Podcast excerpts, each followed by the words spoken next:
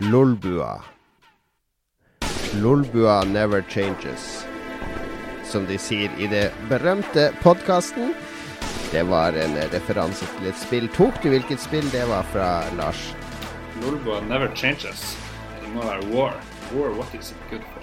Nei, jeg vet ikke. Hva det var for noe. Du, du det, Magnus, du tok Ja, det en var For Fallout.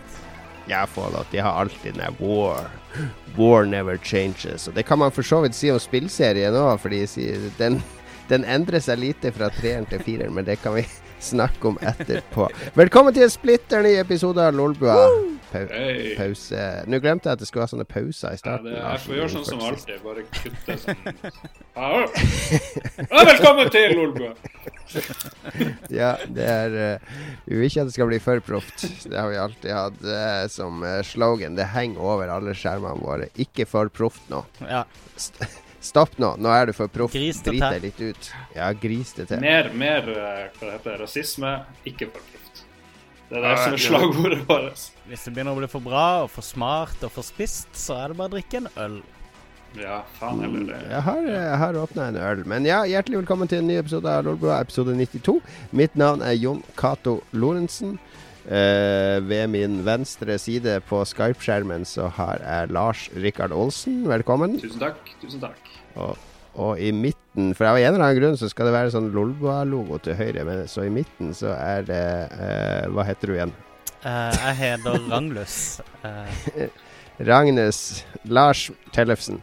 Nei, Magnus Tellefsen, hjertelig velkommen til deg. Og du er utrolig godt kledd av, Magnus. Sitter i sånn grønn hettegenser og caps. Og syns du det er skikkelig kaldt i leiligheta di? det er litt kjølig i leiligheten, men eh, det er litt frivillig òg. Jeg har uh, dempa ovnen og lufta litt her inne, så jeg syns det er deilig å kunne gå med litt klær på seg. Det er vel eh, Litt sånn sjokklufting. Det- Ja. Det er vel fordi du har begynt å spise vegetarmat. Du får ikke i deg nok næring, så da sitter du og fryser hele tida. Og har veldig Eh. mye diaré, er det ikke det som eh, skjer da?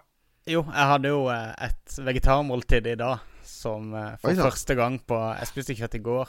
Uh, så, så nå har jeg jo alle symptomene på jernmangel. Du vet, det er, jo, det er jo noe som heter fleksitarianer. Det er er vegetarianere som spiser kjøtt når de har lyst på kjøtt. Ja, Det da er, du, du kan google det. Det er en offisiell eh, Du kan kalle det fleksitarianer. Da er du vegetarianer som av og til spiser kjøtt.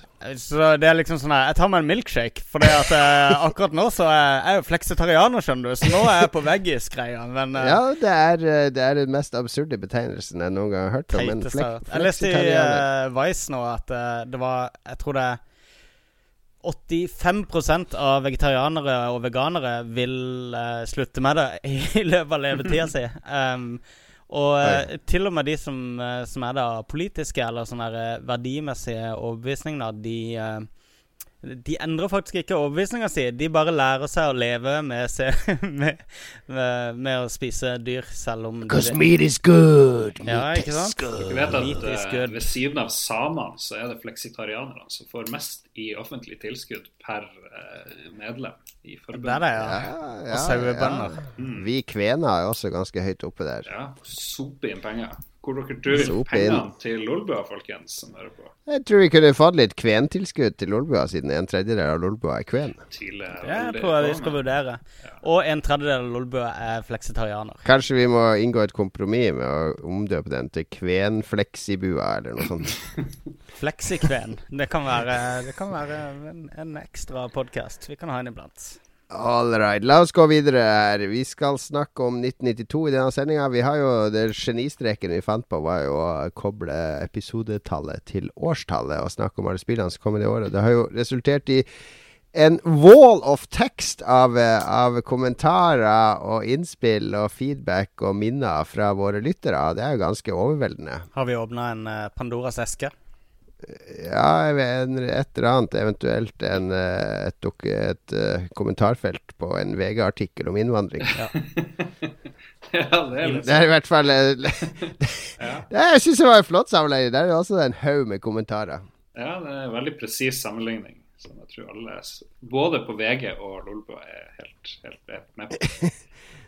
All right. Men vi har, vi har i hvert fall veldig mange kommentarer, så vi får spole litt gjennom. eh, Vi tar Uh, snakker bitte litt om hva vi har gjort. holder det kort, kort, kort. Og så går vi gjennom året 1992, og så litt hva vi har spilt i det siste. For vi har jo spilt litt av hvert i det siste, blant annet Tomb Raider, og jeg har spilt litt Fallout. Så vi har litt av hvert å dele. Høres det ut som en plan? Det høres ut som en plan. Da begynner vi å dele så lite som mulig fra livet vårt. Lars, tre ord. Hva har du gjort i det siste? Uh, puste, uh, sove. det er for jobbe. mye. For mye. Mye. Puste, sove, jobbe. Det har ikke blitt tid til å onanere den siste uka. Jo, det glemte jeg. Men det var jo bare tre ord, så Ja, OK, men du vet, anser sove og, og jobbe som viktigere enn å onanere. Jeg gjør faktisk det. Inntil videre. okay. Inntil jeg får sparken, okay, vi... så er det Den er grei. Magnus, du skal få litt flere ord. Ja, jeg trenger ikke så mange ord. Uh, jeg kan godt bruke flere ord, men jeg har ikke egentlig tenkt å si at jeg har uh, gjort så grusomt mye. Men uh, jo, det har jeg. Jeg har gjort grusomt mye. Det vil si du har brukt ekstremt mange ord på å fortelle at du ikke har gjort. Jo da, jeg har gjort. Jo da, jeg har gjort. Det, det, det, det snart brukt opp ordene dine. Men kom igjen, da. Kom igjen da. Ja, nå, nå, legger du bare til ord. Nå tar det lengre tid før jeg kommer til dette poenget. Jeg var på Spillekspo i helga. Ja, det skal jeg snakke om, da. Okay, ja. Slutt å krangle. Ja, men jeg. Jeg. Jeg, jeg så det liksom fra en, en sånn her, et sånn forbruker... Eh, forbrukersynspunkter. Sånn synsvinkel fra en som ikke deltok i arrangementet. Forbruker og forbruker, du fikk nå gratis inngang hos noen. jo, jo. Men jeg forbrukte tre timer på å stå i en kø for å kjøpe meg en Farris, og eh, Jesus, det var mye. Ja. Og jeg forbrukte opp eh, beina mine på å gå rundt på knallhardt gulv. Men eh, jeg tror jeg forbrukte en del dopamin òg, med all gleden jeg opplevde på stedet. Uh, jeg, jeg, tror heller du skal fortelle om det, Jon, siden du har et mer intimt ja, forhold da, til det. Jeg, eh, jeg har jobba ræva av meg på Spillekspo, for jeg arrangerte et stort sånn indie-stand med 15 norske spillutviklere. Uh, som ble en stor suksess. Og så var jeg også konferansier på hovedscenen. Det var litt sånn i siste liten jeg ble satt opp der. Så jeg hadde en veldig lang helg på Spillekspo, men ja. en veldig fin helg òg. Det er litt sånn har vært Jeg jobba på Spillekspo i fjor også, konferansier året for der, pluss at jeg har vært i bransjen år, så det er litt sånn rart når du Når du har vært konferansier, så blir du liksom kjent med alle der fordi de er oppe på scenen og sånn. Så på slutten, når vi rigga ned, så var det liksom på hils med alle, med han komplettsjefen og med PlayStation, og jeg kunne gå rundt og og ta, hugge litt med Thomas fra Microsoft. Og det er litt deilig å ikke være journalist lenger, ja. så da kan, jeg, da kan, jeg, være kompis med alle og ikke late som jeg er sånn integritet og Late som Nei, da pleide, du, da pleide du liksom å dra Thomas inn bak sånn teppe og klemme han. Men, ja, men, nå kan du gjøre det i all offentlighet. Ja, nå kan vi gjøre det i offentlighet. Ja. Før at man gjør det i det skjulte rom og være livredd for at noen skulle tweete et bilde av det og putte det på Kotaku in action. Så nei, men det var bra, bra spilleekspo.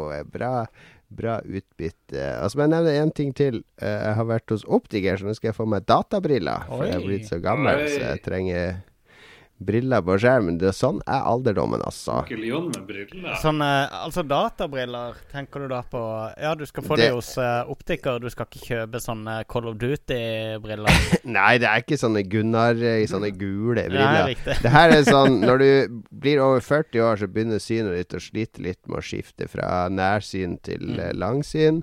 Uh, og det er mer slitsomt å se ting på nært hold. Så hvis du har en jobb der du sitter foran en skjerm og sitter med masse papirer hele dagen, skal fokusere blikket, så blir du mer sliten. Så det er veldig mange over 40 som trenger databriller. Uh, da blir bildet skarpere og bedre når du sitter foran en skjerm, så tar du bare av deg ellers. Du skal ikke bruke de sånn i bil og sånt. Jeg har en teori om at du blir å ligne mer og mer på Frank, vår gode venn, som har laget. Ja, vi får se. Jeg har jo så.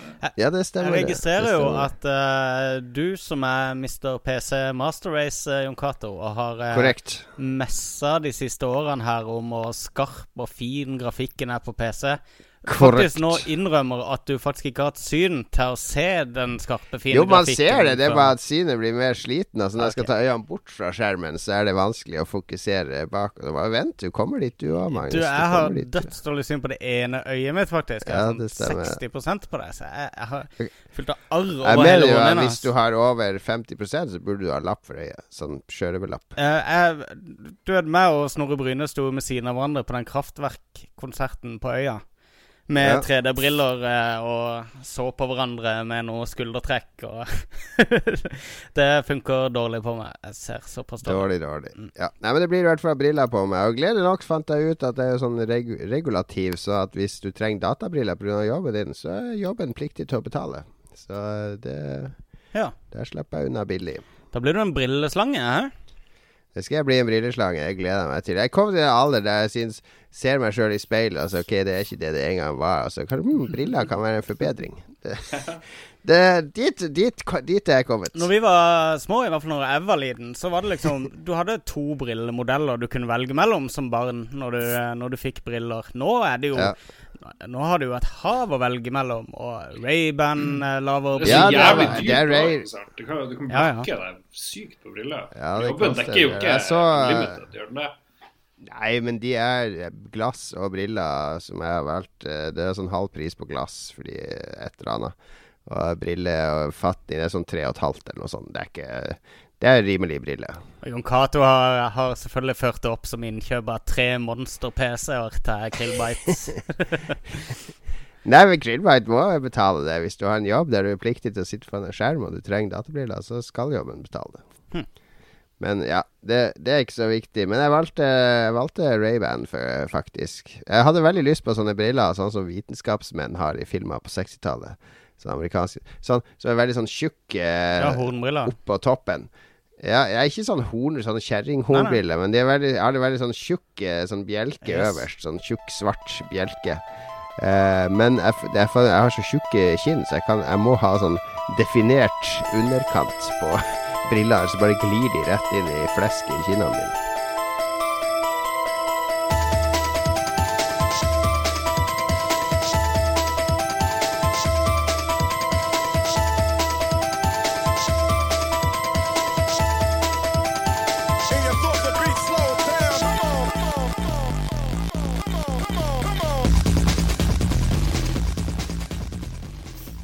Visste dere at uh, under annen verdenskrig så var eh, gjennomsnittsalderen på soldat var 23?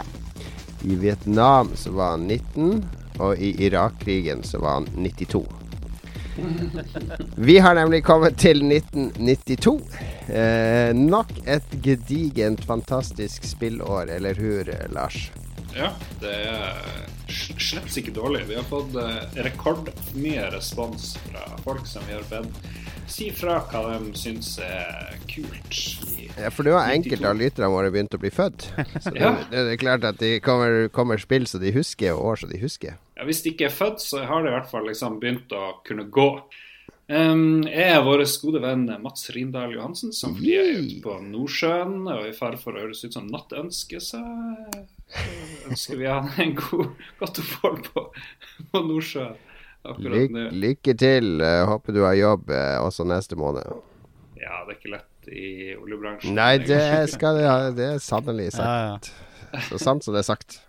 Um, og han sier 1992, et bra år. Wolfenstein 3D, Fleet Oh, yeah. Atlantis, Dune 2, Star Control 2. Dette spillet ble spilt veldig mye i versus mode nede i kjelleren i Heggenveien. Det vil si her hvor jeg sitter nå. Launch Nice. Fighter, sier han. Uh, honorable mention til Alone in the Dark, som bana vei for Resident Evil. Eh, Jeg tenker jo at uh, Wolfenstein 3D er liksom Det markerte Nå kommer PC-en for fulle mugge og raser fra alle andre maskiner. Helt klart. Før Wolfenstein så var liksom PC var bare litt sånn kjipere Amiga. Eh, Amiga var jo det som herja der. helt til du så det. Så altså, ble du litt sånn jeg på gråten for at Amigaen din ikke klarte det. Hadde ikke sjans i havet. Nei. Men eh, nå har vi jo da eh, for lengst pika med PC-spill, eller med spill generelt, i Jon Katers øyne. Så, eh, så det at eh, first person shooter-sjangeren nå er i ferd med å blomstre frem, eh, en av de små, små eh, detaljene i spillhistorien. Det er eh, Altså, hvis du, hvis du spør filmkjennere, så pika jo film med Citizen Kane og sånn, så det, det har jo ikke vært så mye bra siden Da da. tror jeg ikke det er de. filmkjennere du snakker med, Jon. da er det psykopater. Ja, Uenig. Men ja, jeg kan jo sette pris på spill, selv om jeg mente at piken kom Ja, før. da, ja, da. Det er jo, Jeg trenger ikke måle alltid peaks og opp mot hverandre. Det er så konfliktsøkende. Men ja, det er mye bra å nevne her. Wolfenstein 3 det er bra. Fate of Atlantis helt greit. June 2 var jo vel så viktig, kanskje. Det er, mange tror det er det første sånn der real time strategy-spillet. Det er det jo ikke. Det var jo Herzog Svei eller noe sånt på Megadrive, faktisk, som, som la fundamentet. Og Star Control 2 var jo ypperlig. Det husker jeg godt. Absolutt. Men Dune 2 var kanskje det flest folk i Norge spilte, som var den her RTS-inngangen. Oh, yeah. Det husker jeg godt, at vi spilte fotball på kunstgress i Harstad hele sommeren. Altså, før og etter fotball så var Knut innom hos Tore, fordi Tore hadde PC.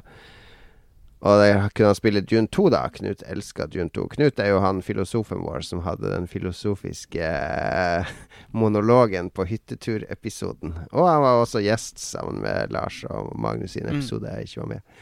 Men jeg husker det synet etter fotball. Det hadde vært vått på kunstgresset, så han hadde glidetakla litt, og buksa var litt sånn våt, så han fikk ikke lov å sitte i sofaen eh, foran PC-en med buksa på. Så da kom jeg inn, da satt Knut der i trusa og spilte June 2 hos Tore en ettermiddag. Så det er et syn jeg aldri glemmer. Skal vi se Han Eat uh, Slanger. Jeg vet ikke om vi har vært borti så mye han. Han er på, holdt til på eh, Twitter. Vil nevne Castlevania, Castlevania 2, Belmonts Revenge til Gameboy. Bedre enn Symphony Ja of the Night. What? Men ikke fullt så bra som Super Castlevania 4. Real talk var hashtaggen her. Det er tøffe ord. Det er tøffe ord. Jeg, jeg er ikke noe sånn super Castlevania-ekspert. Det er vel ikke du heller, Magnus? Uh, Castlevania, nei. Det er Dessverre. eh, en av de seriene jeg er totalt uinteressert i, som alle andre ser ut til å elske. Men um, Jeg var heller aldri sånn stor på Gameboy, men jeg, i ettertid har jeg spilt litt sånn Gameboy-spill, f.eks. Gargoyles Quest og et par andre som er skikkelig perler, så jeg skal ikke se bort fra at, eh, at det kan være noe i det han sier. Ja, vi må finne ut om man kan få tak i Castlevania 2 Belmonts Revenge på noe fornuftig vis, annet enn en uh, sliten, trasig Gameboy. Kanskje på eh, Virtual Console på, på 3DS. Mm. Eh, han Jan Christian Engel han spurte først om vi kom til å klare å eh, få Fallout 4 til å uttale navnene våre. Så der var jo du tidlig ute Jon, og sa at det skulle gå helt fint. Og viste til sånn fuckface og ass Ja, både Magnus og broren er jo representert, Er fordi Finn altså? det funker, og Fuckface funker. Så det er både, begge, begge de yngste Tellefsen-brødrene med. Ja, god vits, god vits. Men Og Lars var jo òg med. Han eh, ass, Assface, tror jeg òg med. Ja. jeg syns jo det er litt irriterende å se på likevel, at eh, de skryter på seg uh, opp mot eh, 1000 navn. Og s Men det er jo det absurde navnelista. ja, men jeg har gått gjennom den navnelista, og det er liksom Det det er boobs, boobies og boobies, og så er det tits, titties og tiddies, og så er det eh, så er det sånn tre måter å stave samme navn på, uh, med sånn bitte små forskjellige måter å uttale. Men de har, uh, de har Jon uten H, så jeg er fornøyd med det. ja, ikke sant? Bortsett fra at jeg alltid spiller dame, da. Jeg vil ikke spille en og og liksom de morsomme navnene de har lagt inn, er jo ikke noe morsomme. Det er sånne gamle, slitne memes, hvis du er heldig. Resten er liksom sånn der Chuck Norris, lol. Uh, Men jeg tror de har- jo hatt en sånn voice actor som har lest inn Ja. alt det her. Min teori er at ja, han har bare, de har bare gitt han masse alkohol og så lest opp så mye tull og tøys og navn som du kommer på. Altså, altså Han har ikke hatt noe manus. Kanskje han hadde manus på sånn 100 navn, Ja. og så har resten av han bare så, stått i fylla og, og lest opp. ja, høres ikke så full ut, han Det er min teori. Hello! Nei, det er sant. Det er sant. det er post, postprosess. Ja, riktig. Men Hegel har jo et spørsmål Ja, han har jo, jeg, må, sa, jo- jeg svarte på det der til han da, rett inn og sa at det der er som Magnus fortalte, at vi skulle hete Boobs, Boobie og Boobies. eh, og at vi drev og var på det sporet, så ba han spørre om noe nytt, så har han liksom fløst på med randome ting. Hvorfor er tomat en frukt? Det, det, vil, det kan vi i hvert fall ikke spørre Jon Cato om, som ikke har peiling på Ja, det er ikke sånn rotgreier. Eh, likte vi Warcraft-traileren? Den har jeg ikke sett. Har dere sett den? Jeg har sett sett den. Jeg sitter på gjerdet, egentlig. Jeg føler at det funker dårlig som trailer, foreløpig i hvert fall. OK? Uh, uh, ja. Tror dere Assassin's Creed-filmen blir bra? Jeg tror ikke det. Aldri Nei, jeg i tror- universet. Uh, Ingen jeg, jeg tror ikke det. Kommer aldri til å se den. Hvilket spill tror du passer best til å bli film? Der er vi vel enige om at Tetris er kanskje det beste Tetris som, som en psykologisk kjærlighetstriller. Ja. Suma, Suma velger. Mm. Suma, ja. Pong, for eksempel. Guitar Hero. I Guitar Hero The Movie. det hadde jo vært en potensielt morsom film. Men Jack Black, for eksempel. Jeg liker jo Jack Black veldig godt. Så jeg syns han burde vært med i alle filmer, egentlig.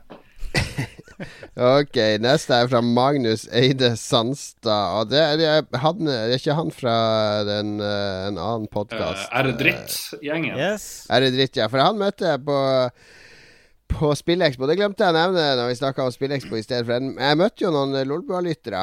De kom opp sånn fra intet av sånn her Hei, onkel Du, hør hører på Lolbua. Sånn, «What? Gjør du det? De fleste var godt voksne folk da. Det var ikke så mye kids. Men den rareste jeg møtte, var når jeg skulle gå ut på utrigginga da. Ikke utdrikkinga, men nedrigginga. Utringning. For da måtte vi gå gjennom Gå gjennom sånn gang med ting og tang. Og det var Forsvaret hadde sånn svær stand, så de drev og kjørte ut sånn F-16-simulator og sånn der. Og så var det en sånn stram kar med svart hår, sånn typisk eh, offisersmateriale, da. Eh, som eh, når jeg kom gående, så bare Hei, Jon Cato! Sånn som, du vet sånn som militære offiserer prater. Altså jeg bare Ja, hei. Fastlytter av Lolbua her! Jeg bare What?! I full militæruniform. Så jeg tenkte at vi hadde ikke så appell til militære militæret har aldri vært vårt target audience, soldater og. Faktisk ikke. Det er veldig rart, eh, men eh, det, det er litt artig med Lolbua. Vi er liksom ikke så svære, er vi det? Jeg føler ikke vi har så mange lyttere, men eh, de kommer ut av the De woodworks dukker nå, jo da. opp Ja. her og der. Så jeg fortalte han om når Lars var i militæret, hva han gjorde når han dimma og sånn. Og da så lovte han å aldri høre på Lolbua mer. Mitt Dimitri-triks er legendarisk. Nei, jeg fortalte Fortalte ikke om det. Du kan dele dimmetrikset ditt en annen gang. Hvis nok lyttere spør om det, så skal Lars dele dimmetrikset sitt som nesten fikk han i fengsel. Sånn det skal være. Litt på kanten. Sånn som Lolbua er. Jeg, var, jeg ble faktisk intervjua av R-Dritt på uh, Spillekspo. Jeg regner med Det er vel nå på fredag den uh, episoden er ute. Var det du som var tema for episoden, da? Er Magnus dritt? ja, sannsynligvis. De filma meg, og så spurte de er det dritt. ja. Du bare hva er det, hva er det her for en Og da podkast? for noe. Men Magnus Eide Sandstad, som er fra Er det Dritt. Jeg driver og puster opp lokaler for nyåpning av butikk på torsdag. Rein flaks om jeg er hjemme før midnatt, så ikke vent på meg. ok, takk for beskjeden. Du leste ikke gjennom den beskjeden før du, før du virkelig leste av deg eh, og vi tar med det alle noen- leserbrev, og da mener vi alle leserbrev. Men vi har Her har, vi, her har det svikta. Det er jo noen som skal skrine det her før det kommer i skjemaet. Ja, men vi hadde en Arn som òg drev og var ute og, eh, og skulle pusse opp ting. Jeg vet ikke, her har jeg klart å slette han, liksom? Skal vi se. Det veit jeg ikke, men ta nå Geir Botten Eid. Eid, Ja. er ikke det sånn uh, muslimsk uh, høytid? Det er det. Det er både det og et etternavn. Sykt nok. All right. Hm. Ja, OK, da har vi muslimsk lytter nå, da. Ja, du får, ja, eh, du Geir? Ja, Geir Botten Eid, eh, sannsynligvis fra Pakistan. Uh, husker veldig godt da han var fem-seks år, og at eh, naboen hadde data med Dune 2. Han var på besøk bare for å spille Dune 2. Skjønte ikke en dritt, men det var konge likevel. Jeg tror det er veldig mange som, eh, som vokste opp med Dune 2, som ble ganske glad i RTS-sjangeren pga. det spillet. der. Ja. Det var et kult Ja, det spill. Det var- en sånn riktig måte å ta sånn bok eller filmlisens og gjøre spill om til spill. For det tok det House Harkonnen Mm. og, og hva de het, de to andre, og lagde noe helt eget ut av kildemateriale. kildematerialet. når jeg ser på Game of Thrones, så ser jeg på det som da jeg spilte Dune 2, hvis du forstår hva jeg mener. Altså, det, Ja, ja, det er akkurat den samme måten jeg betrakter historien på. Det er disse veldig sånn uh, markante rikene med sin type soldater og sitt, sin eh, måte å fighte på, sine idealer Mm. og alt dette her, da, som driver og kriger og beveger seg rundt på dette store kartet. Akkurat sånn ser jeg på, på Game of Thrones. Mm. Altså. Så det, Det er også June er også en ekstremt bra science fiction-bok. Det tror jeg Lars er enig i. Ja, det er jo en Vel, serie. veldig høyt. Ja, men den går, jo, den går jo bare nedover, den serien, da. Så det holder å lese første boka. Den er veldig, veldig bra. Det krangles om Frank David. Lynch-filmen, men jeg liker den, i hvert fall. Ja, det er fordi du er fan av Sting, og at Sting har en rolle. Ja, det er jeg liker alt med Sting.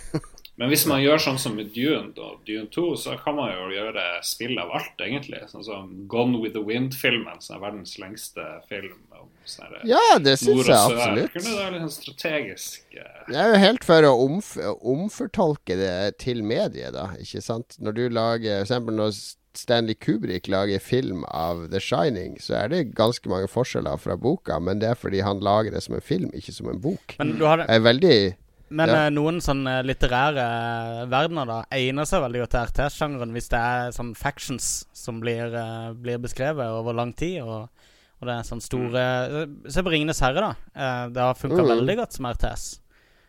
Absolutt. og det er med god grunn. Um, skal vi se uh, Vegard Megaman Mudenia sier uh, for, for Lars som er så interessert i USA og presidenter, så er vel happeningen at Bill Clinton kommer til makta i 1992. Uttrykksikonet Ah. Tong. Ja, nettopp Bill Clinton. Og passer godt med I did not have sexual relations to that woman. Miss Lewinsky. Ja. Ja. Um, ja, jeg vet ikke. Vi kan, vi kan droppe han Clinton. Han inhalerte aldri heller. Nei. Var ikke 92 året med OJ Simpson nå? Ja, er det det? Ja, kanskje det. Det er I hvert fall rundt, rundt her et sted. Det husker jeg viste jeg, jeg, jeg, han, eh, en av våre venner satt døgnet rundt og så den live-rettssaken. Eh, men vi sa egentlig at vi skulle prøve å ligge unna sånne verdenshendelser, siden vi var Ja, så dårlige okay, til å være sånne, sånne typer Gå videre på han uh, Mudedia, Lars. Mm, OK. um, if the glove doesn't fit, you must acquit. Var ikke det en sånn Yes. greie? Helt riktig. Det var advokaten til Simpson. Eh, 1992 var vel året da det både var vinter- og sommer-OL, eh, utropstegn. What? Åssen går det an? Det var et sånn overgangsår. Det det går ikke an å gå på ski midt på sommeren. Det er jo helt Men i løpet av et år, Jon Cato, så går det fra kaldt til varmt til kaldt igjen. Ah, Mudenia sier har vel klokket inn et par hundre timer på Sensible Soccer, siden man må nevne noe Oh, yeah. spill. Det, det er jo ditt spill, jo. Du var jo ikke så god i fotball, så da måtte du spille Sensible Soccer. jeg var veldig god i fotball, men uh, Sensible Soccer var jo veldig bra.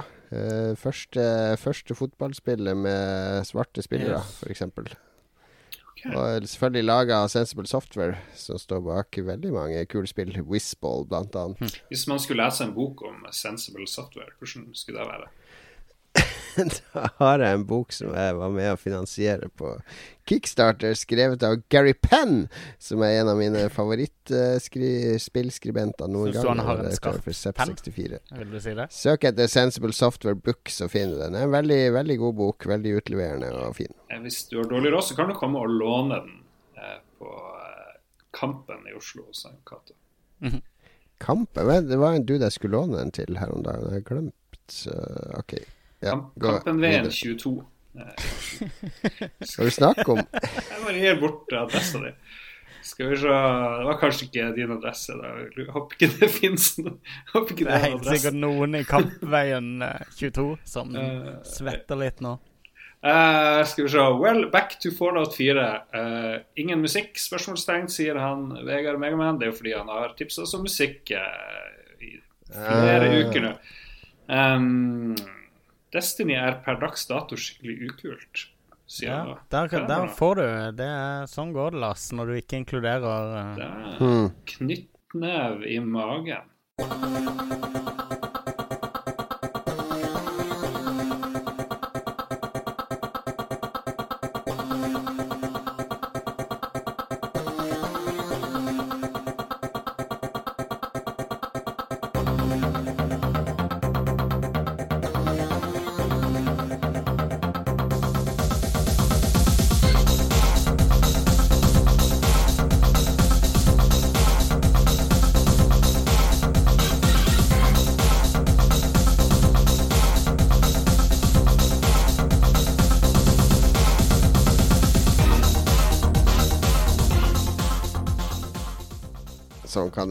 Robert Karstensen er det en som heter.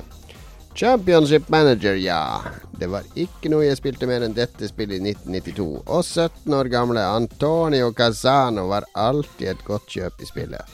Og nå følte jeg meg plutselig veldig gammel.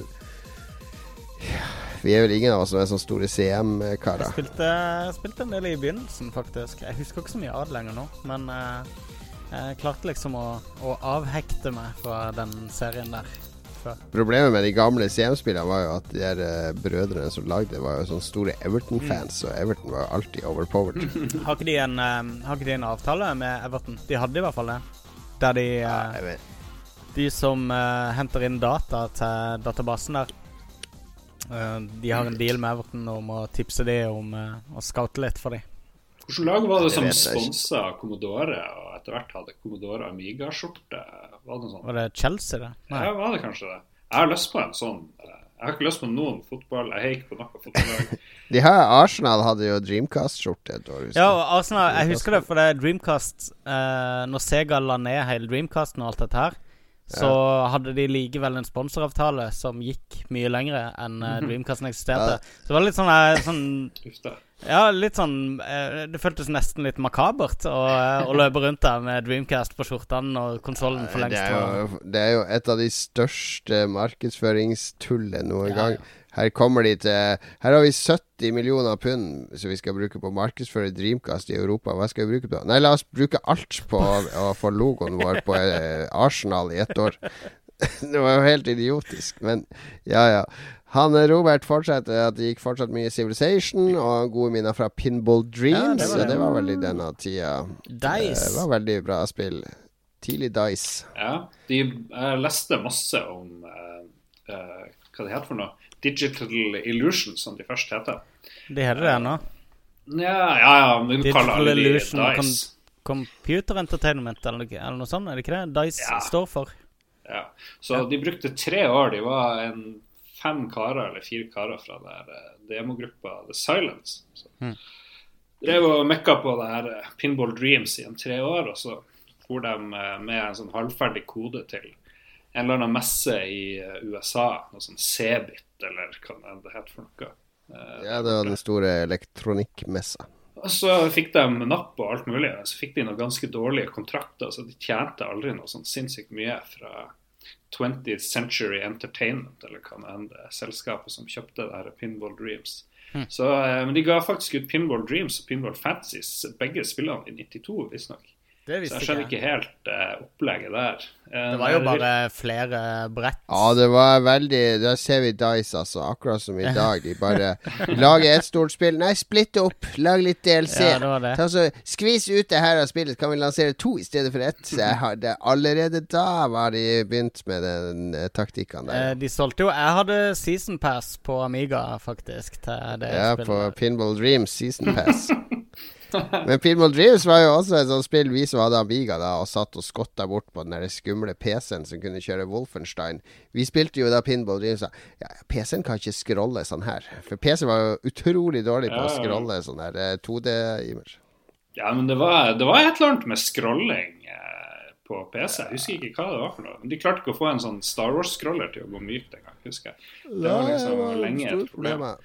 Men uh, Pinball Dreams har jo i likhet med Pinball Fancy sinnssykt bra eh, musikk. Og det er litt sånn Ja. gøy triks med Pinball Fancy var jo at uh, den her høyttaleren som egentlig bare ga pipelyder på PC-en, den klarte de å hacke og styre sånn at den spilte musikk eh, på en sånn her helt sånn merkelig måte. Det er vel et av de helt få spillene som klarte å eh, lure den der eh, lille, kjempelille høyttaleren på PC-en din i kabinettet til å spille. PC-speakeren.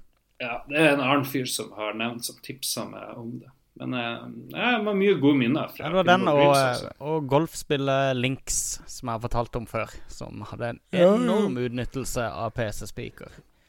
Jeg begynner å gjespe her, men det er en lang dag for meg. Men uh, Robert er ikke helt ferdig. Han snakker om ukens store slipp. Han er ikke hypa for Fallout, men han har veldig lyst til å spille Tomb Raider. Men han spiller kun på PC og må vente. Ungen har PS4, men det hjelper jo heller ikke. Og han ble veldig emo her. Uttrykksikonet emo, avslutta han med. Uh, altså, ja, og så vil han at vi skal ha sending en time senere, men sorry, Mac. Og så sier han også at uh, Lolbua er favorittpodkasten hans. Det Ja. Det er bra! Det er bra. Love you, love Da you. var interessen tilbake igjen, Jon Cato. Da var det plutselig øynene på stilk her.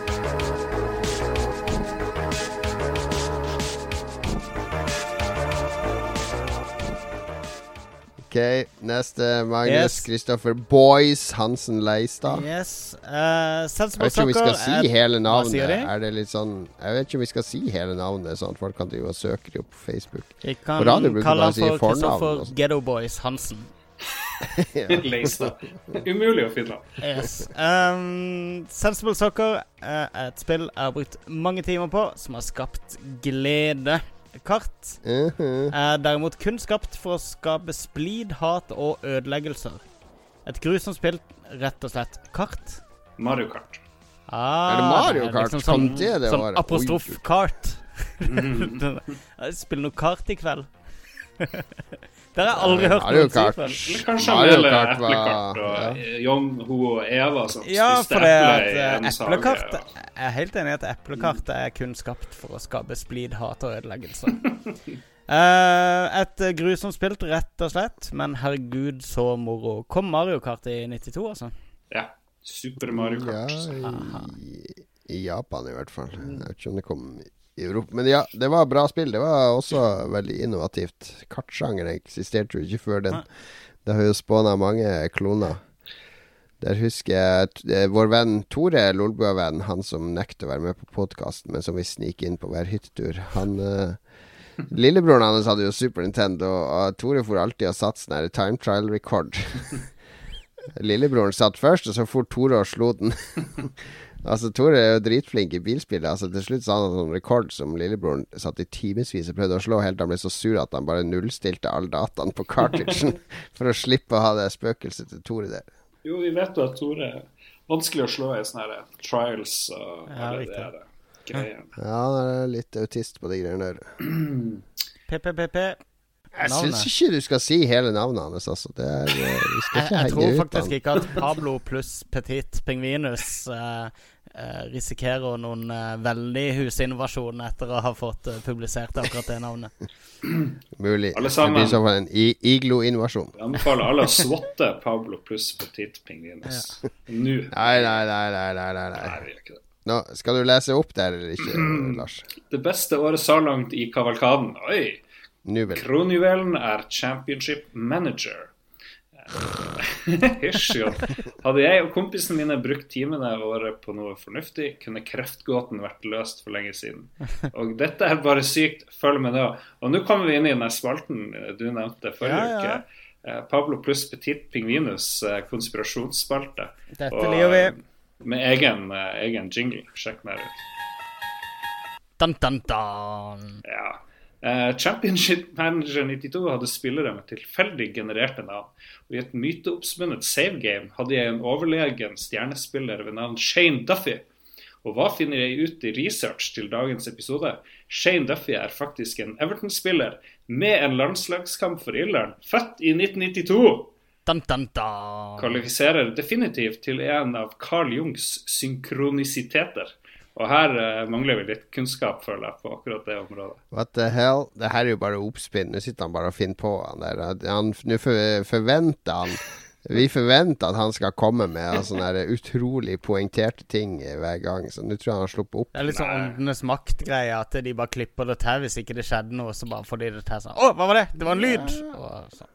Dere er begge to det er Scully i X-Files. Jeg er han Mulder. I want to believe. Pablo har, eh, krefter vi ikke aner grensen av. The still unknown relationship between what we call the unconscious psyche and what we call matter, a mystery with which psychosomatic medicine endeavors to grapple. In studying this still undefined and unexplained connection, it may prove to be that psyche and matter are actually the same phenomenon, one observed from within and the other from without. Dr. Jung put forward a new concept that he called synchronicity. This term means a meaningful coincidence of outer and inner events that are not themselves causally connected. The emphasis lies on the word meaningful. If an aircraft crashes before my eyes as I am blowing my nose, this is a coincidence of events that has no meaning. It is simply a chance occurrence of a kind that happens all the time. But if I bought a blue frock and by mistake the shop delivered a black one on the day one of my near relatives died, this would be a meaningful coincidence.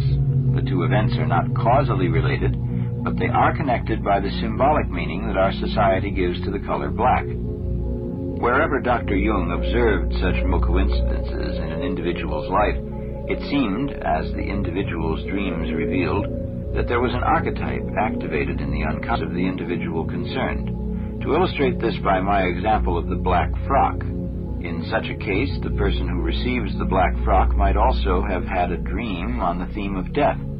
It seems as if the underlying archetype is manifesting itself simultaneously in inner and external events. The common denominator is a symbolically expressed message, in this case, a message about death. As soon as we notice that certain types of event like to cluster together at certain times, we begin to understand the attitude of the Chinese, whose theories of medicine, philosophy, and even building are based on a science of meaningful coincidences. The classical Chinese texts did not ask what causes what, but rather what likes to occur with what. One can see much the same underlying theme in astrology and in the way various civilizations have depended on consulting oracles and paying attention to omens. All of these are attempts to provide an explanation of coincidence that is different from one that depends on straightforward cause and effect. In creating the concept of synchronicity, Dr. Jung sketched a way in which we might penetrate deeper into the interrelation of psyche and matter. And it is precisely toward such a relation that the symbol of the stone seems to point. But this is still a completely open and insufficiently explored matter with which future generations of psychologists and physicists must deal. Synchronistic events almost invariably accompany the crucial phases of the process of individuation. But too often they pass unnoticed because the individual has not learned to watch for such coincidences and to make them meaningful in relation to the symbolism of his dreams. Det skal litt til å uh, random-generere Shane Duffy, så hvis dette her stemmer, hvis dette her stemmer, så uh, er det imponerende. Uh, Men det som jeg synes er mest skummelt her, det er at han har gjort research til dagens episode. Altså faktisk Jeg tror de tenker de fleste Å, 1992, og så bare sier de det første de tenker på.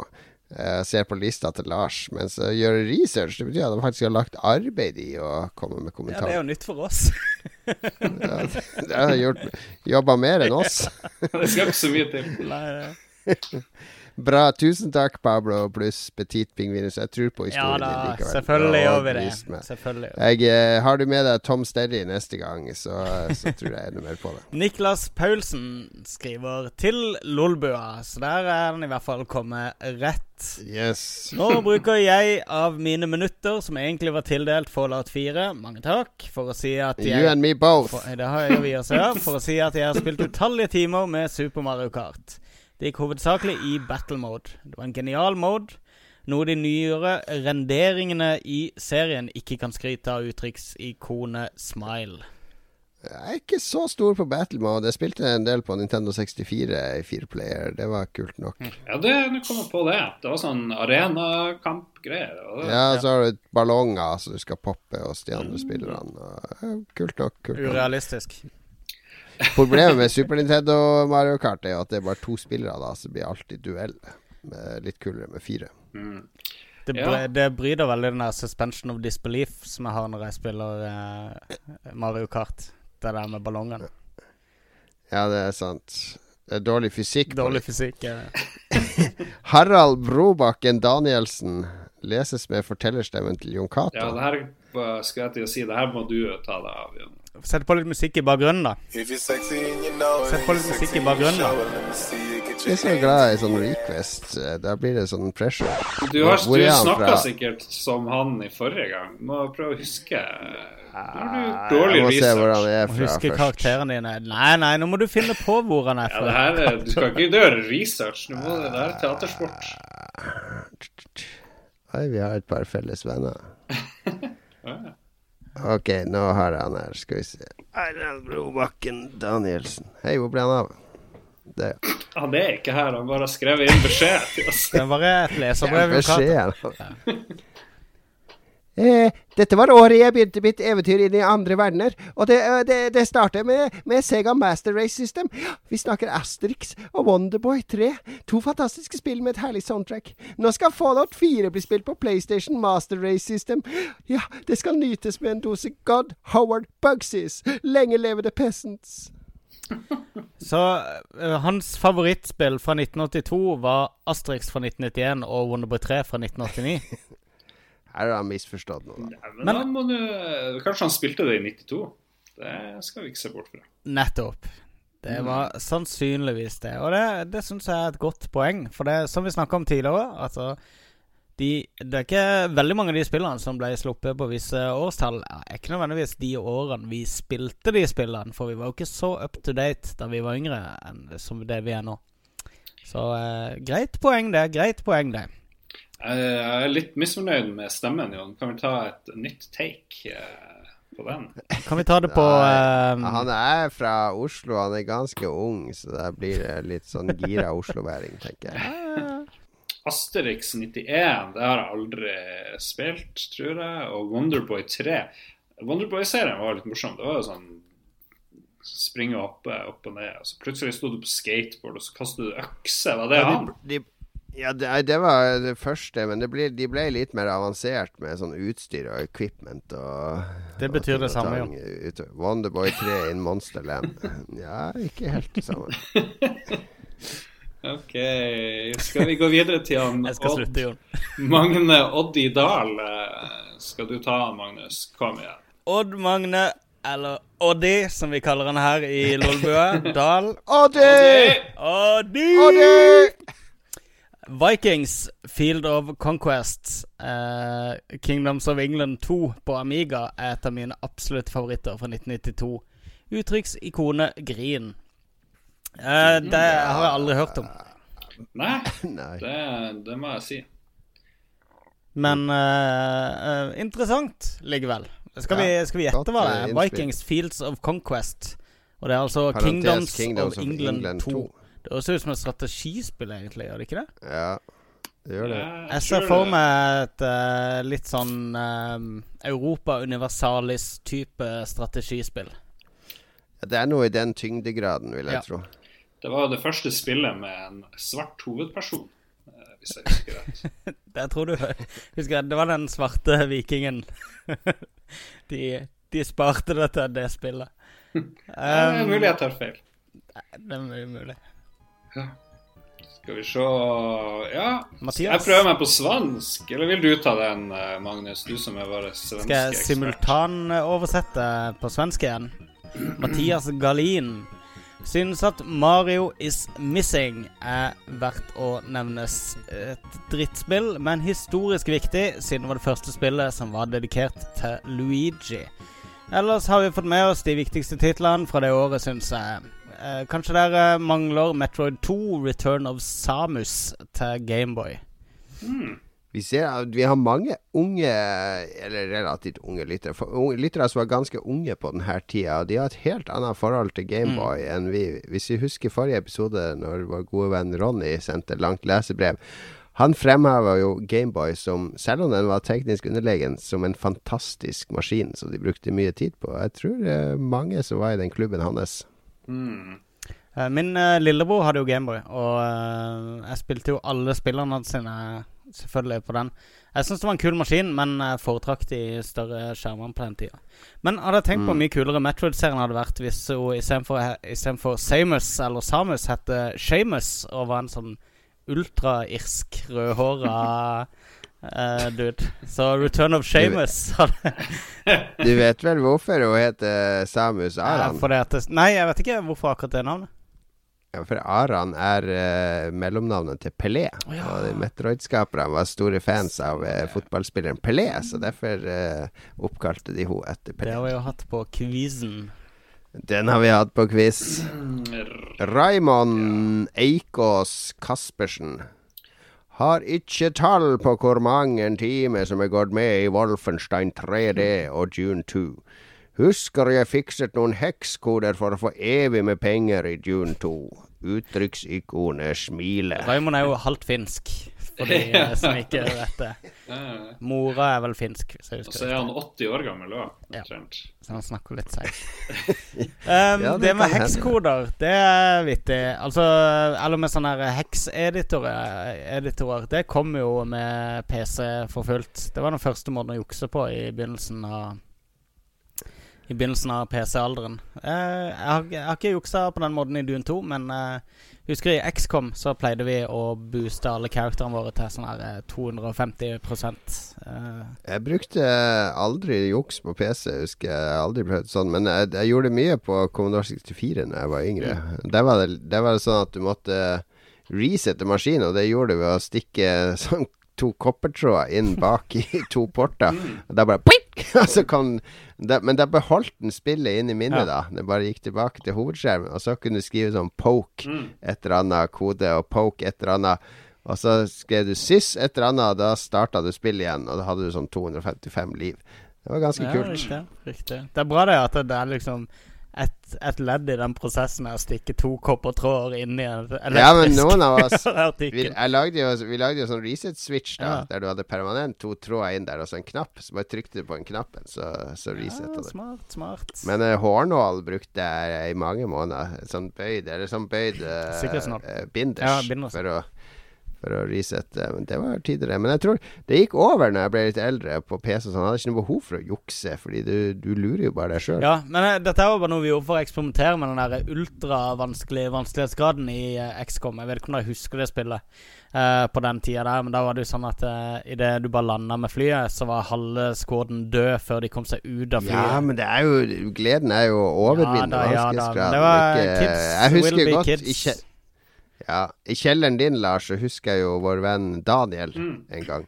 Han satt og spilte Quake med, med God mode on. Og bare ja, Han ville bare løpe gjennom brettene. Det var det han syntes var moro. Fair, fair nok. Ja. Skal vi sjå, skal vi gå videre Den er til det, Lars. Vi Det er nederst Ja, i Lars sin. folkedypet. er? Ser at eh, Lars også har skrevet Ole- inn en rett eh, alias denne gangen. Han eh, Ola Nordmann, eller han Ole Nordmann Abrahamsen, han likte Wolfenstein Sieg Heil. Jeg fikk litt Sieg Heil i dag òg. Litt sånn uh, Mel Brooks-aktig Sieg Heil, vil jeg påstå. Ikke noe, ikke noe sånn Apropos Mel Brooks, jeg prøvde å se den der Spaceballs på nytt på Netflix. det er ja. ikke så gøy Den, lenger. den har ikke holdt seg godt. den er klam, altså. Oi, oi, oi. Og de kommer inn i det der eh, De kjører sånn der eh, van, han Han Solo og Chewbacca-parodien. Det var flaue greier, altså. Det er han John Candy. Og ja-. Ja, han John Candy er liksom Chewbacca, og så er de, eh, det er en sånn gangster på jakt etter de, han Pizza the Hut. Det, det, det mors høres morsommere ut enn det faktisk var. So, Lone Star, now you see that evil will always triumph because good is dumb. Men jeg anbefaler i hvert fall å se Mel Brooks-dokumentaren som ligger på uh, Netflix. Den er i hvert fall knallbra. Ok. Ja OK, vi kan Magnus, Are, Are Joakim, lord Falk. Eh, skal vi se Ari Joakim uh, Loch Falch Strande. Lord Falk. Wow, Jeg uttaler er aldri alle CH som Loch, Falk, det er jo Loch betyr jo innsjø, gjør det ikke det? Eller? Nei, ja, men ikke med R. I, Ja, det er bare han LOCH. Det er litt flaut. Ari Joakim, du kan ikke stave navnet ditt, er vår konklusjon. Men um... Han er sikkert fra Skottland, da. Det er jo koselig. Ja, det kommer hele fakta som uh, Lars ramsa opp i stedet. Han Ja. bare stjålet fra Ari Joakim.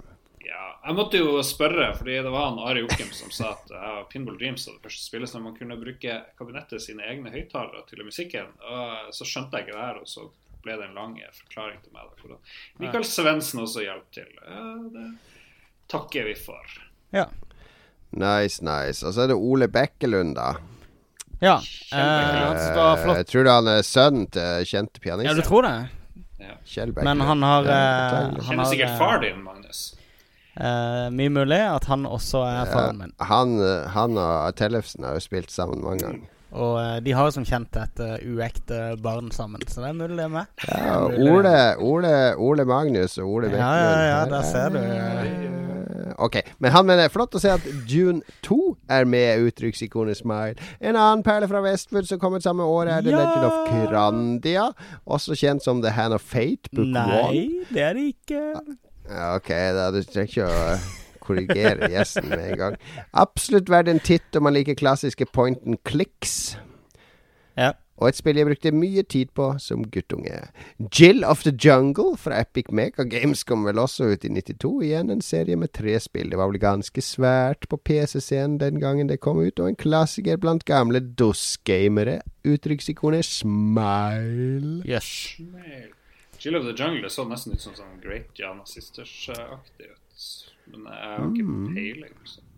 En kul tittel. Jeg kan eh, the oppklare akkurat det der med Kirandia. Da. Det var ikke meningen å gjøre narr av det, Ole. Jeg syns det var flott av deg å nevne Jeg kom nå endelig med uh, oppklaringen. Ei åndeløs spenning her på hva som var feil. Uh, Legend of Kirandia, det første spillet i serien, heter bare Book One. Mens eh, bok to, som du sikkert husker fra quizen også, Jon Cato, heter The Legend of Kirandia Book Two, The Hand of Fate. Og den tredje heter Book Three, Malcolms Revenge, hvis jeg husker riktig. Men uh, Og så kom Book 4. Who gives a shit? Oi, Når Jon Cato har jobba i tolv timer, og vi begynner Ja, å nærme oss litt sånn Vi er, begynner å se uh, eh, slutten på horisonten.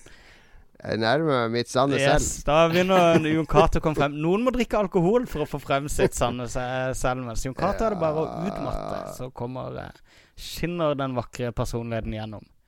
Eh, fantastisk bra serie å nevne, i hvert fall. Jon Magne Skibenes. Han må jo være fra Kristiansand. Skibenes. sånn Skib, Skibenes. Han mener at vi mangler The Patrician. Ellers ei glimrende liste. Altså Lista som alle snakker om her, den er jo da på lolbua.no. Lolbua.no, det skjer ikke så mye der, men det er en eller to artikler om podkasten hver uke. Så er du fan av podkasten, så anbefaler vi deg å besøke oss der. Men The Patrician, det ringer så vidt en bjelle. Jeg mener jeg har spilt det. Uh, Ja. jeg, jeg kjekket litt på det tidligere. Det er sånn handelsgreier. Du er i Ja. Europa, kjører mellom Bergen og Lübeck og hit og dit. Og Ja, han, han Hansa Ja. Hanseater. ser veldig sånn Ja. ut. Gjør det. Nice. Ja, nei, takk for eh, brev, Jon Magne Skivenes. Uh, Kurt Arne hadde Amiga uh, og Pinball Dreams og Pinball Fantasy. Det ble to av de store spillene for han det året. Wing Commander kom vel også, da. Det eh, gjorde det kanskje. Um, ellers gikk det i Zool, Chuck Rock, Monkey Island 2, Epic, Fire and Ice, KGB og disk-swapping til å bli Gala i Street Fighter 2. Uh, sist, men ikke minst, det geniale Parasol Stars. Det var et godt ord. Eh, godt år. Ikke et godt ord. uh, Parasol Uttrykksikonet Stars. smile. Ja.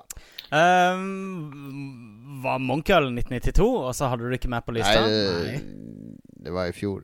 Man Ja, det var mye, mye til innslag av spill ikke fra 92 der. Men det er helt Ja. Um, ja, jeg ser også uh, Ja, Wing Commander var vel også rundt, da. Uh, Ja, om ikke ja. akkurat 92. Men Ja. uh, en fabelaktig kul space-serie. Definitivt. Parasol Stars var jo det tredje Bubble Bubble-spillet. Ja, Rain, Rainbow Island var jo nummer to, og Parasol Stars var det tredje. Men de klarte liksom aldri å toppe de der boblene fra det første de prøvde med regnbua. Men det kan jo ikke vært de samme som Parasol. det der. Det, tror jeg. Ja, men de regner som det er Subtitlen er liksom Bubble Bobble, et eller annet. Ja, da merket jeg at uh, vi eh, Taito. Taito. Ja, tusen takk for, eh, for innspill der. Jeg skulle bare si som en sånn generell observasjon at vi bare galant hoppa over første innslaget som nevnte Alone in the Dark og Indiana Jones and the Fate of Atlantis, som vel er Jeg leste opp Ja, bare leste det opp, men det var ikke noe vi diskuterte. Uh, men uh, det er greit, det er greit, det er greit. Men det var litt kult å merke seg at samme året som Wolfenstein 3D kom, så kom også Alone in the Dark. Og Alone in the Dark kickstarta jo survival horror-sjangeren i sin form. Mm. Um, samtidig som Wolfenstein 3D launcha um, first person shooter-sjangeren. Så det var, det var et viktig år for, eh, for spillbransjen. I tillegg så slapp jo uh, Blizzard uh, The Lost Vikings, og det var det ingen som nevnte. Det er jo et toppspill. Thank you, professor Tellefsen. Bare gå gjennom raskere rasker opp eh, det som faller gjennom eh, grinda her. Jeg syns, Ja, ja, det er bra. syns jeg vi skal bra. kunne gjøre til slutt. Bra, Ja, det er ikke lov, hør på bitre Johan. Det er ikke noe. Det bare strøt. Han Bitre Johan sier Ja, 'spill ja. noe musikk', spill noe musikk nå! Ikke gjør det før nå.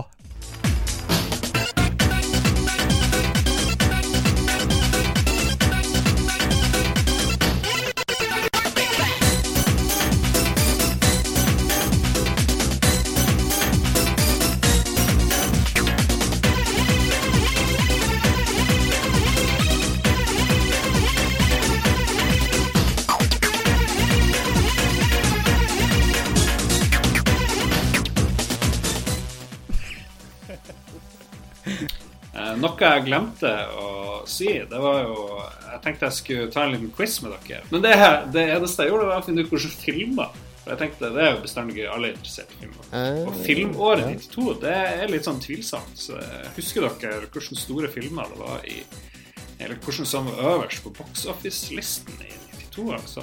Nei. Nei, det var mye tvilsomt. Det var The Bodyguard, Sister Act, Aladdin, som jo er helt grei, eh, Home Alone 2 og Little Weapon 3 er liksom de store eh, inntjenerne. Og det kan jo ikke sies å være noe, Eh, noe høyderår der, altså. Begynnelsen av 90-tallet var det der eh, den der den treige overgangen der mesteparten av 80-tallet, den verste delen av 80-tallet, hang igjen. Og så, så sleit av gårde med og det, og det var et sånn Fresh Prince of Bel-Air. Hvis dere ser på Veldig det på Fresh Prince-tid, altså. Det er sånn Beethoven og Honey I Blew Up The Kids og liksom Ja, bare se, prøv å se film fra den tida. Uff. Alle har sånne runde briller med sånn tynn eh, rød ramme. Ja. Eh, og, eh, og de går med snekkerbukser, sånn steinvaska snekkerbukser. Og ja, det er grusom tid. Veldig lite visuelt. Et høydepunkt er jo Bram Stokers Dracula, syns jeg. Den var den Syns du at det var et høydepunkt? Har du sett den Ja. ettertid? Ja, det, jeg syns den er konge. Jeg, jeg vet ikke hvorfor jeg liker den, men jeg syns den er kjempebra. I don't Det er veldig drink kult uh, soundtrack på den. Det har vi brukt mye når vi har spilt Ja, to. det er fantastisk. soundtrack. Ah. Da er vi tilbake i, for siste del av uh, ukas podkast. Hvis jeg har vært litt sånn brautete og bråkete, så beklager jeg. Men jeg har vært på eh, jobb i dag, og styremøte og sånn 12-13 timers dag tar på at når du møter to sånne pratesjuke gærninger over Skype når du kommer Du hjem. vet, når du blander masse forskjellige sånne elementer, så du må noen ganger må du ha litt syre inn for å få en ordentlig balanse i uh, Ja da, ja da, Så ja det da. trengte Og vi så om hjem. Det skal du ikke være redd for.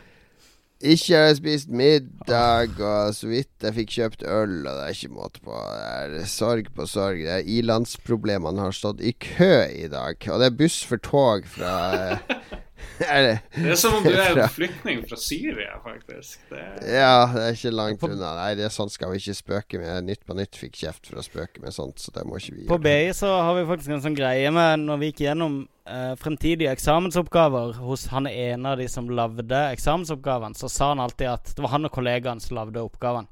Og da sa han altså eh, Hver gang han skulle liksom forberede oss på worst case scenario-spørsmål, så sa han alltid at eh, For han kollegaen hans bodde i Drammen, og da sa han alltid så hvis det er buss for tog den dagen der, når han skal skrive oppgaven, da kan jeg vente der noen av de verste her.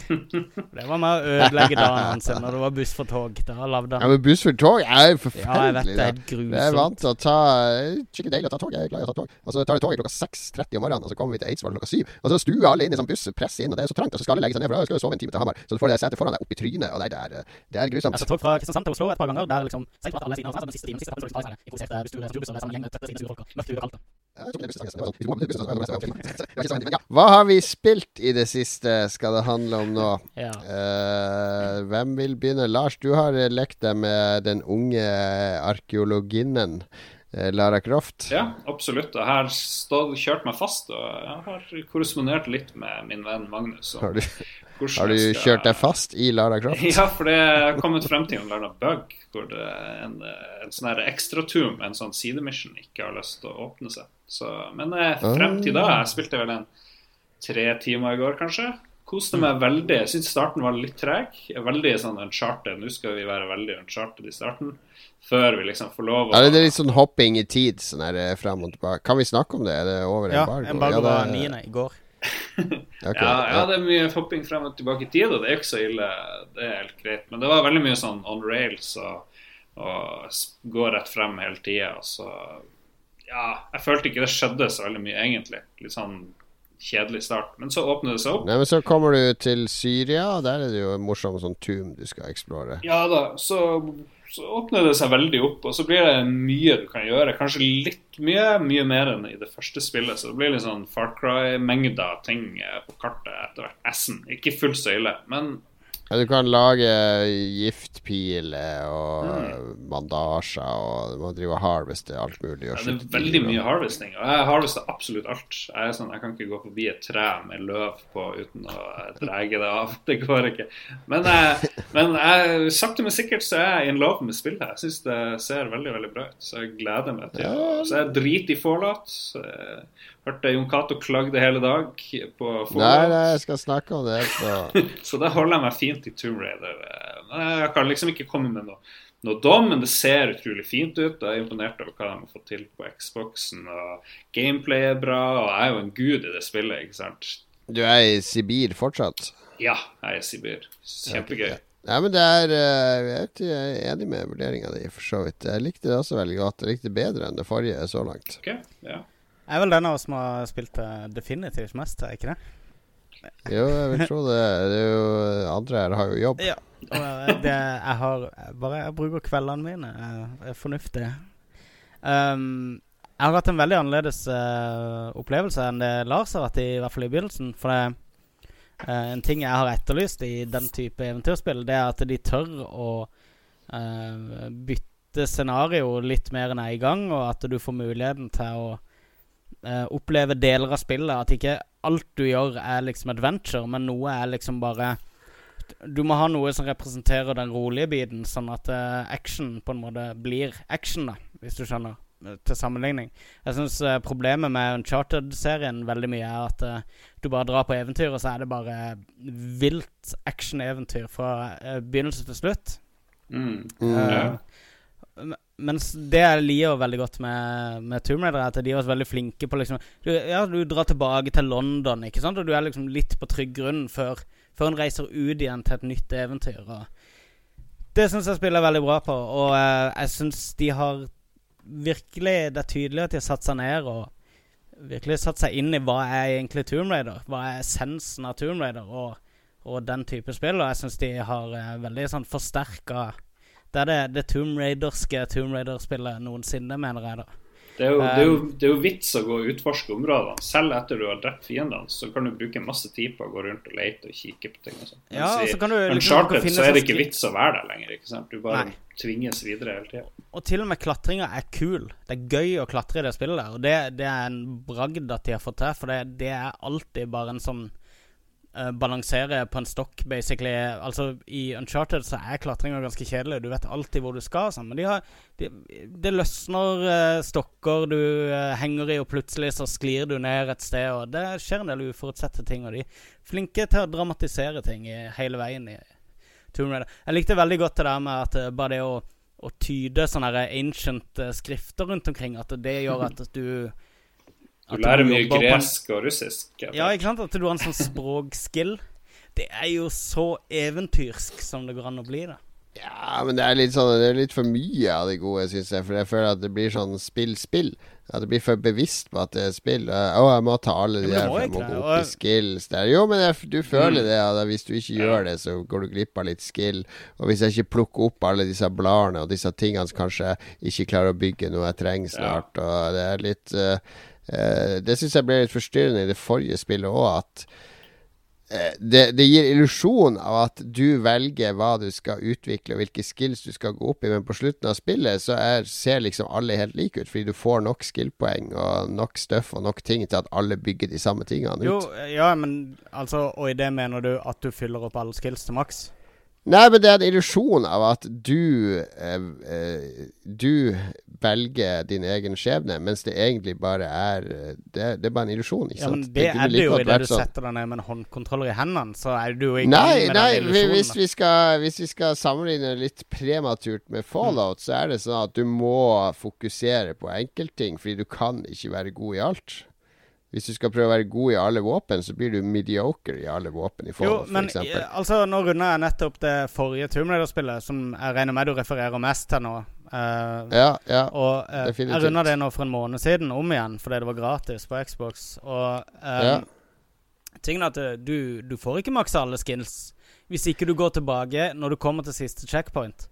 Hvis du da begynner å gå tilbake og si at OK, Jo, nå skal jo, jeg ta det- alt jo, Og du kan fint rulle Ja, spillet uten å du misforstår Ja. meg, fordi det er, det er sånn irrelevante skills. Det er sånn pluss 10% i armor, pluss uh, plus ditt. Det er sånn skills som ikke har noe Nei, impact. men det er det jo ikke her, da. I, i uh, det nyeste Tomb Raider så, så unlocker du faktiske ferdigheter da som gjør at uh, nå kan du plutselig trykke på en knapp og gjøre det. Eh, Ja, det er et par sånne. Det er et OK, gutta. ok, Det Eh, her er det- veldig, ja. veldig spennende. Men kan det være det beste uh, Lara Croft-spillet når du ikke kan klatre opp på en fjellhylle, og så gå opp i eh, håndholdt eh, stilling, turn-moves? det, Det savner jeg. Jeg, jeg savner det, og jeg savner muligheten til å ta de sidelengs saltoene mens jeg skyter. For det- eksempel. Ja. Ja, men jeg vet ikke om det det er visse ting de fremdeles kan, eh, kan hente frem, men jeg tror de prøver å etablere serien som en, en mer sånn kredibel serie før de er i gang og liksom og, og slenger inn for mange av de der mer fantastiske elementene fra de tidligere spillene. Det jeg har sett Jeg har sett en halvtime cirka fra uh, Uncharted 4. Og jeg tror Uncharted 4 skal virkelig overbevise for å matche Tomb Raider. Paid for by Microsoft. Absolutt. Du, jeg, jeg gleder meg som unge til Uncharted, men mens uh... Paid for by Microsoft.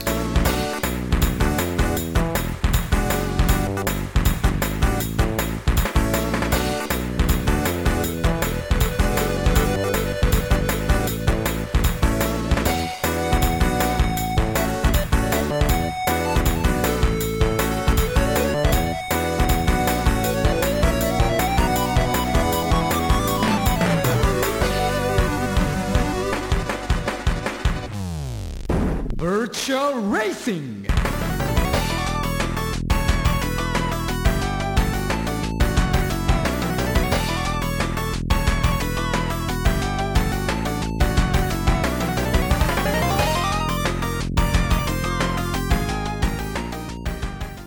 Racing. Ja, Fallout 4 er ganske bra. Da var vi ferdige! Yes. Nei da, jeg har eh, spilt eh, Jeg kan jo si jeg har spilt Tomb Raider på den der fantastiske nye Xbox One Elite-kontrolleren. Det er en kul kontroller, ass. Det, det gjorde spillet en hel terningkast bedre, opp fra to til tre. Nei da. Hva syns du om kontrolleren? Kontrolleren er veldig bra. Den er litt tung. Eh, og så kan du ta av alle de knottene, de to knottene og D-paden, og bytte ut med en sånn slide-D-pad, eller litt høyere sånne knotter. Uh, det trodde jeg skulle være helt idiotisk, at du skulle dytte de av under bruk og sånn, men de sitter faktisk ganske godt på. De er veldig lett å ta av. Så du kan uh, Jeg vet f.eks. for eksempel da jeg spilte FPS, så har jeg hatt sånn lav D-pad på venstre tommel, og litt sånn høy på høyre, fordi da sikter jeg litt mer presist. Eh, og så kan du også stille de hair-triggerne, de her eh, L- og R-knappene som går veldig dypt, de du bruker som pedaler i bilspill. Du kan sette på en sånn bryter, og så går de bare bitte litt inn, så det blir liksom en vanlig knapp. Som jo gjør at du kan skyte mye raskere når du slipper å trykke den helt til bunnen. Det føles mer som en gunner, sånn hair-trigger-gunner. Og så har du fire sånne her, eh, små eh, jernstenger på bunnen, da, som er sånne her, underpads, så du kan trykke på med, med langfingeren og ringfingeren din. Uh, de har ikke jeg helt vent meg til, men er, jeg ser nytten i det. Hvis du kan mappe Hvis du spiller Destiny på Xbox One, da, så kunne du eksempel ha mappa uh, eh, reload til en av de. Så at du slipper å ta tommelen av høyre spake og reload og ta den tilbake igjen. Så jeg kan hele tida ha sikte på karen mens jeg reloader. Ja, men de erstatter ikke noen knapper. Eller de erstatter knapper, Nei, ikke sant? kan- de, de kommer ikke ja, Det er ikke nye knapper. Jo, jeg tror hvis spillet vil det, så kan de legge til nye knapper på det.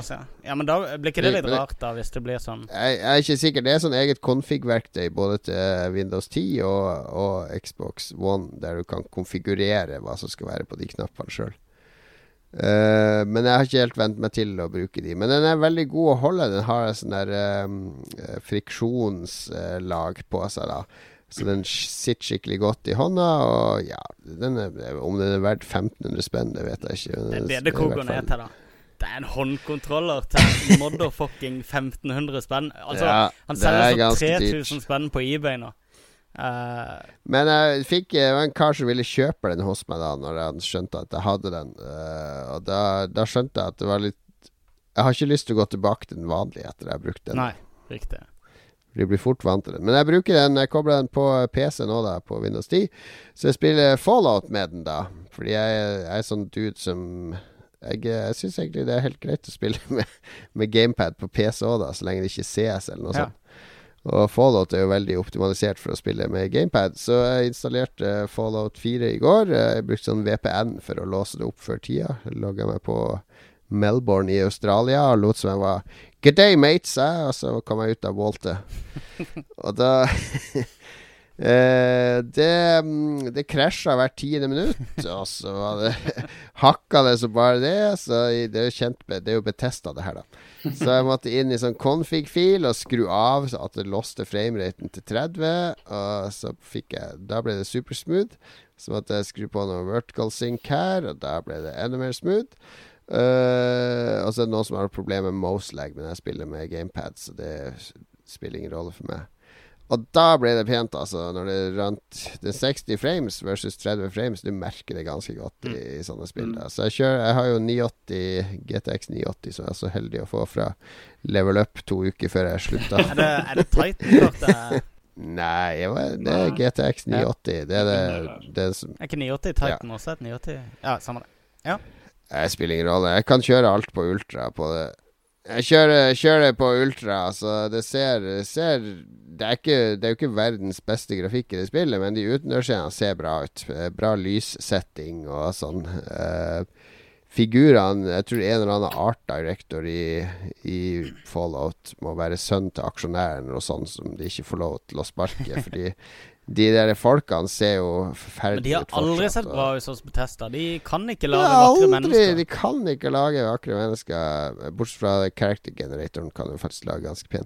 Men ja, det, er, det føles som Fallout 3-2, da. Ja. Altså det er, det er veldig, veldig likt Fallout 3 i alt du gjør, og inventory-system og oppdrag og kart og uh, Jeg hadde vel kanskje tenkt Var det åtte år siden Fallout 3? Det er så lenge siden, er det ikke det? Eh, det kan stemme, ja.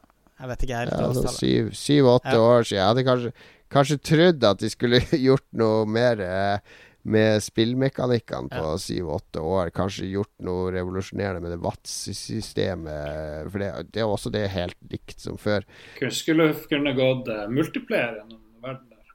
Skulle det vært noe i veien? Ja, for eksempel du kan, Det nye er at du kan bygge ting. da Du kan bygge Byer, eh, byer og, og møbler og bruksgjenstander og sånne ting. Jeg har ikke brukt så mye tid på det, men det krever at du går rundt og samler opp alt det skrotet som du ikke gadd å plukke opp før. Ja. Det må du drive og plukke opp nå og ta med deg til workbencher. Det virker som det er litt styr, da, men det er utrolig god stemning da. Og så bruker de samme musikken som før. da De har sluppet opp for sånne gamle nostalgiske 40-tallssviske som minner om atomkrig. Så det er, det er litt sånn mye resirkulering, syns jeg. Men eh, veldig god stemning. Og etter jeg patcha det med sånn beta-patch, så har det slutta å krasje så nå er jeg ganske fornøyd. Ja, Vi har en fyr på chatten som lurer på om PC-versjonen har barnesykdommer, men du er krasjfri nå, med andre ord.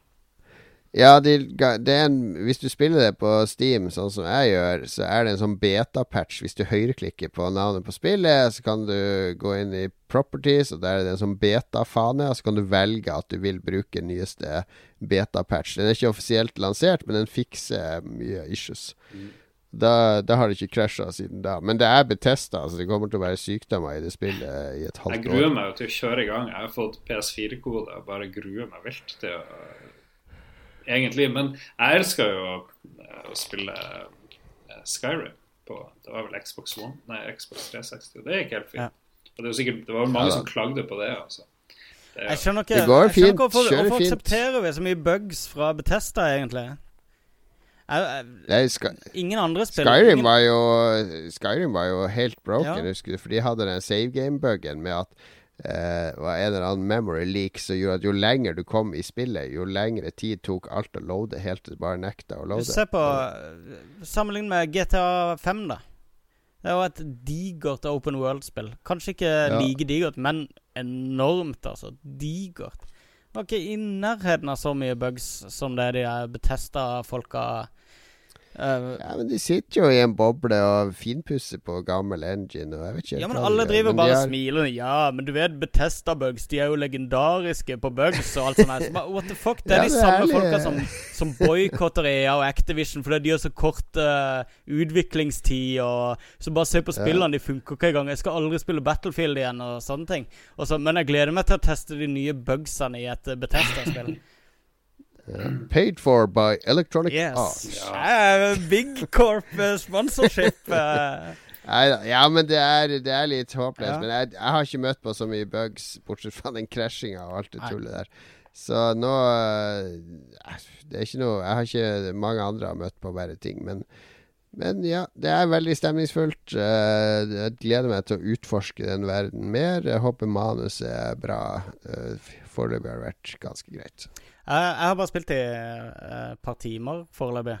Uh, så jeg har ikke så veldig mye inntrykk, men jeg, kjeder meg litt raskt. Jeg er enig med deg, Jon. Jeg fikk veldig raskt uh, Fallout 3-vibber, og det er ikke noe bra ting for min del.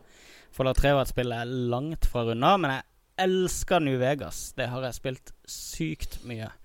Um, en ting jeg reagerte på, som bare det oppfattes nok som en liten detalj, men jeg hang meg litt opp i det, det var at når, når jeg skulle sette opp skillsene mine, eller um, statsene mine, helt i begynnelsen, så la jeg merke til at de har drevet animert og satt på lydeffekter på han der lille maskotten. Han som alle kaller Pip-Boy, men som ikke heter det. Pip-Boy.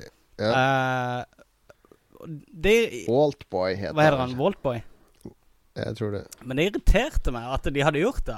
Sånn, hele ideen med han er jo at han skal være en sånn, der, en sånn statisk eh, illustrasjon til de forskjellige statsene. Idet han, ble- i det, i det han ble animert, så føler de liksom Det virker som de på en måte har forstått uh, hvorfor han er så kul, den, der, den eh, maskotten der. Jeg har sett på han som en sånn, en sånn parodi på de maskottene de brukte under sånn der, eh, krigspropaganda, eller på den tida det der duck and cover og alt det der i USA, når det var snakk om atomkrig. Har du spilt Fallout 4 i det hele tatt? da, Magnus? Jeg spilte bare et par timer, så jeg, jeg, det var liksom, dette her var en detalj jeg bare hang meg opp i. At det, Jeg ser, jeg ser her at Magnus har vært og posta på Reddit. What the fuck, Bethesda? You're not supposed to animate Wallboy! He's not been animated at all. This is a fucking overtramp. I'm gonna refund. Refund now. Men, men, men det jeg mener, da, er at når, når du ser sånne små off-ting At det, det er mulig de bare har uvittige programmerere som har lagt inn disse detaljene her. Men det sender sånne små, kjipe promper da i min retning når jeg sitter og spiller det spillet. Så det er mulig hovedspillet er kult likevel, men ikke sant? Det Du har fått det der eh, underveis, da. nyvinninga i spill, det der eh, Smellovision eh, i spillformatet. Var det ikke noen som hadde med noen luktekår... Nei, det var eh, PlayStation, hæ? Det eneste PlayStation-spillet som hadde sånn du kunne skrape på selve disken og lukte. Vet du hva det var? Jeg tror det var Fifa, der du kunne lukte gress på disken. Konge.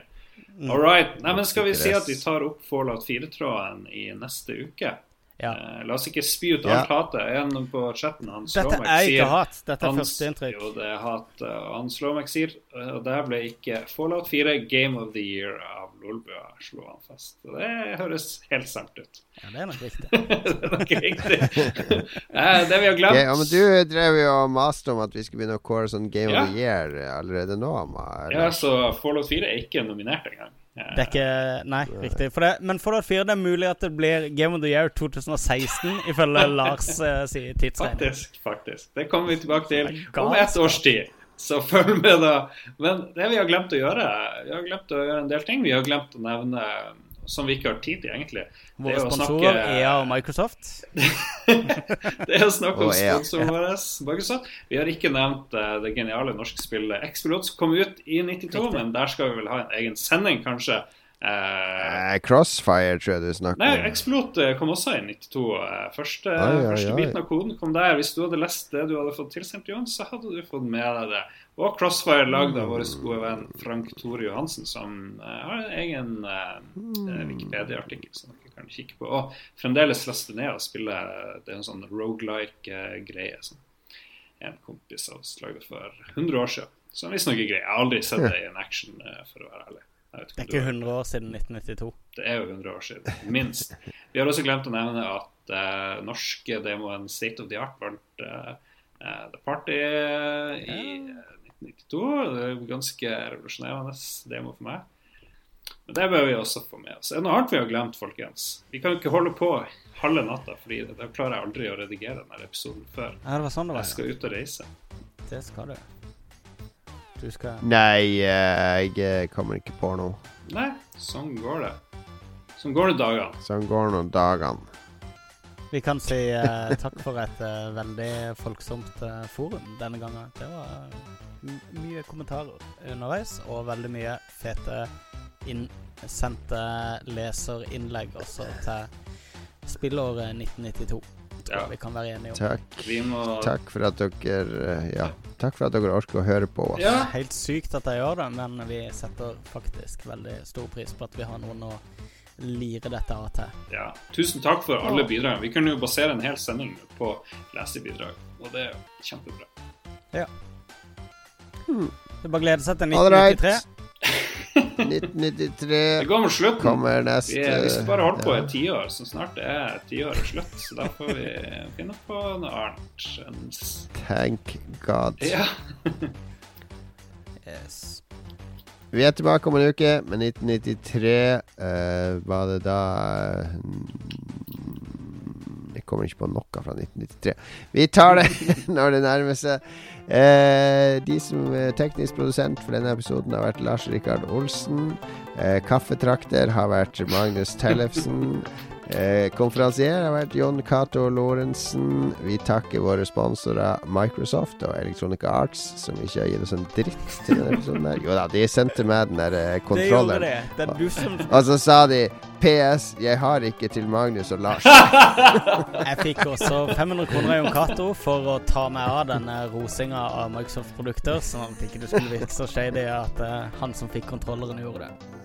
Jeg kan rose meg. Jeg, kan ta, jeg har, eh, min integritet er lagt død etter jeg slutta i pressen.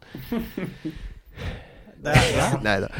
Vi eh, vi er ikke sponsa av noen, men, eh, men takk til alle som sender inn meldinger til oss. Mm. Det er det vi er sponsa av. Leserne. Leserne er våre sponsorer. De Ser fyller opp våre hjerter og Ja, seerne. takk til Gud.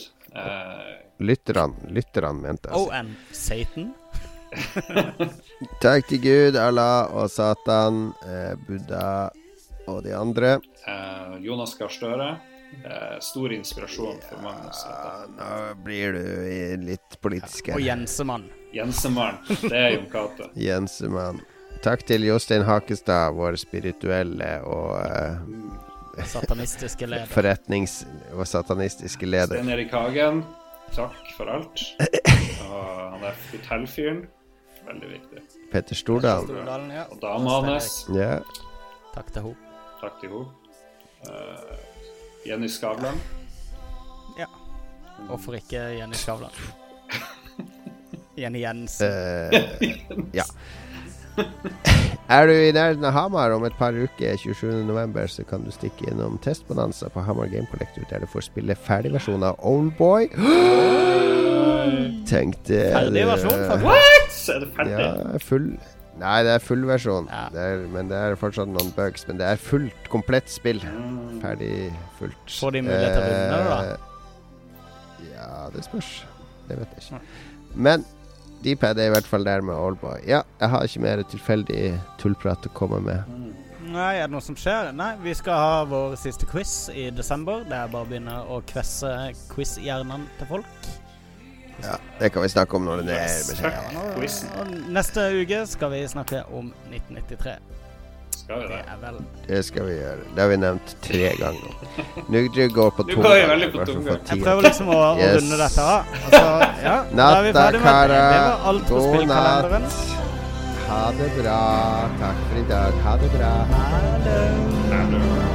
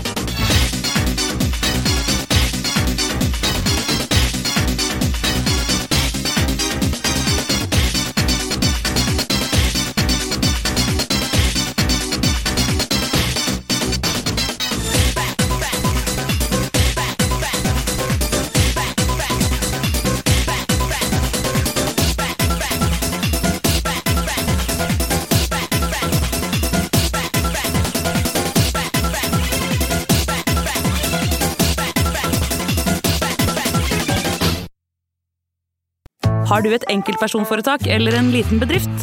Da er du sikkert lei av å høre meg snakke om hvor enkelt det er med kvitteringer og bilag i fiken, så vi eh, gir oss her, vi. Fordi vi liker enkelt. Fiken superenkelt regnskap.